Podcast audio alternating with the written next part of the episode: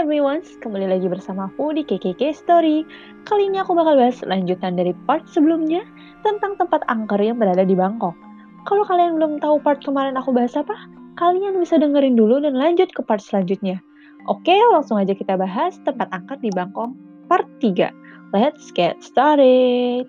Yang pertama, tempat angker yang berada di Bangkok, Thailand ada Bayok Sky Hotel. Bayok Sky Hotel ini uh, berada di lantai di atas pasar Pratuna Bangkok yang terkenal. Bayok Sky Hotel merupakan hotel tertinggi di Thailand yang baru dibuka pada tahun 2012 dan merupakan bagian dari Bayok Tower 2 setinggi 304 meter. Meskipun memiliki kemegahan, hotel ini menuai pengalaman menyeramkan bagi beberapa tamu hotel. Terdapat di ulasan di Trip Advisor yang menyebutkan terdengar suara dari bak mandi, langkah kaki, kartu kunci yang secara misterius dipindahkan, dan bahkan sesuatu e, seperti sensasi dingin yang lewat. Beberapa orang menghubungkan kejadian ini dengan kematian tiga pekerja pada Mei 2012.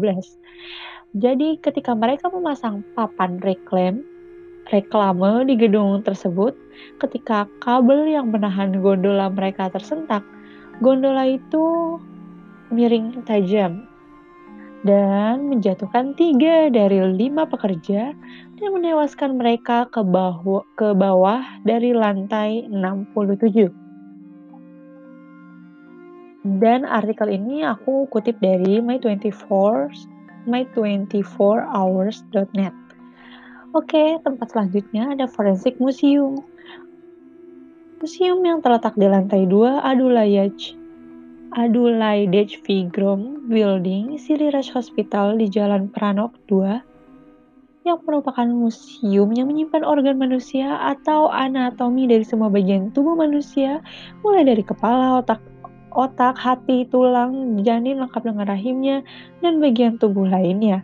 Organ tubuh yang dipajang merupakan organ dari para narapidana yang terhukum mati dan juga tubuh orang-orang yang dulunya terkena penyakit mematikan.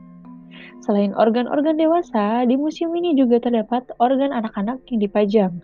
Saking banyaknya bayi dan anak-anak yang ada di sini, ada banyak roh anak kecil yang sering terlihat oleh warga sekitar. Bahkan di beberapa sudut museum, uh, kita bisa menemukan permen yang ditinggal oleh beberapa pengunjung untuk sesajen roh anak-anak kecil tadi. Yang ke berapa ini ya? Yang selanjutnya itu ada tikungan maut di Rachada Road, Bangkok. Kalau kalian berkendara di sepanjang Rachada Road, kalian akan menemukan pemandangan janggal ketika mendekati tikungan dekat pengadilan kriminal Bangkok ini. Kuil kecil dan sesajen banyak diletakkan di pohon bo besar sepanjang jalan. Dan inilah titik di mana lebih dari 100 orang dan mungkin masih akan terus bertambah kehilangan nyawanya karena kecelakaan lalu lintas. Beberapa orang menyalahkan desain jalanan yang memang agak menukik tajam. Sejumlah orang menyalahkan kelakuan pengendara yang mabuk, dan lainnya menyalahkan para arwah yang masih tinggal di sana. Mereka yang selamat dari kecelakaan di situ mendeskripsikan situasi sesaat sebelum kejadian. Mereka sempat melihat sosok makhluk gelap lompat turun dari pohon dan langsung mendarat tepat di depan mobil mereka, hingga mengakibatkan kecelakaan. Jumlah orang percaya bahwa arwah-arwah yang kehilangan nyawanya di sini tengah mencoba mengambil nyawa mereka yang masih hidup untuk menggantikan mereka pergi ke alam baka. Di tahun 2015, pihak otoritas Thailand menyingkirkan Eh, kuil-kuil uh, dan memindahkan sesajen yang ada demi keamanan, tapi kerabat dan keluarga dari para korban masih tetap melanjutkan menaruh sesajen dan aneka persembahan baik di pohon ataupun di jalanan. Jika kalian sedang berada di Thailand dan ingin melewati tikungan ini, maka kalian harus menyembunyi, membunyikan klakson dan mengurangi kecepatan kendaraan kalian untuk menghalau arwah-arwah yang ingin mengganggu.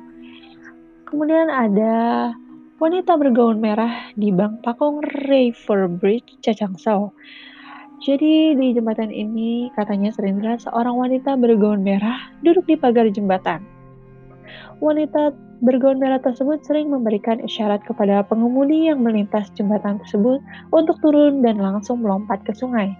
Pernah ada kejadian di satu malam pada Maret tahun 2018, seorang penjalan menyelamatkan seseorang perempuan yang mencoba lompat dari atas jembatan ke sungai yang ada di bawahnya.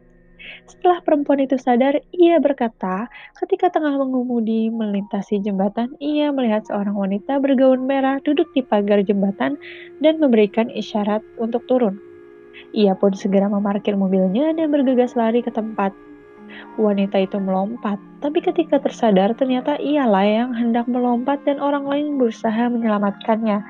Ternyata hal ini bukanlah yang pertama kali ada lebih dari 60 kasus percobaan bunuh diri yang dilaporkan terjadi di jembatan ini. Minimal satu percobaan terjadi setiap tahunnya. Dan banyak yang tidak selamat dari kejadian ini. Mereka yang beruntung dan berhasil selamat menceritakan hal yang sama.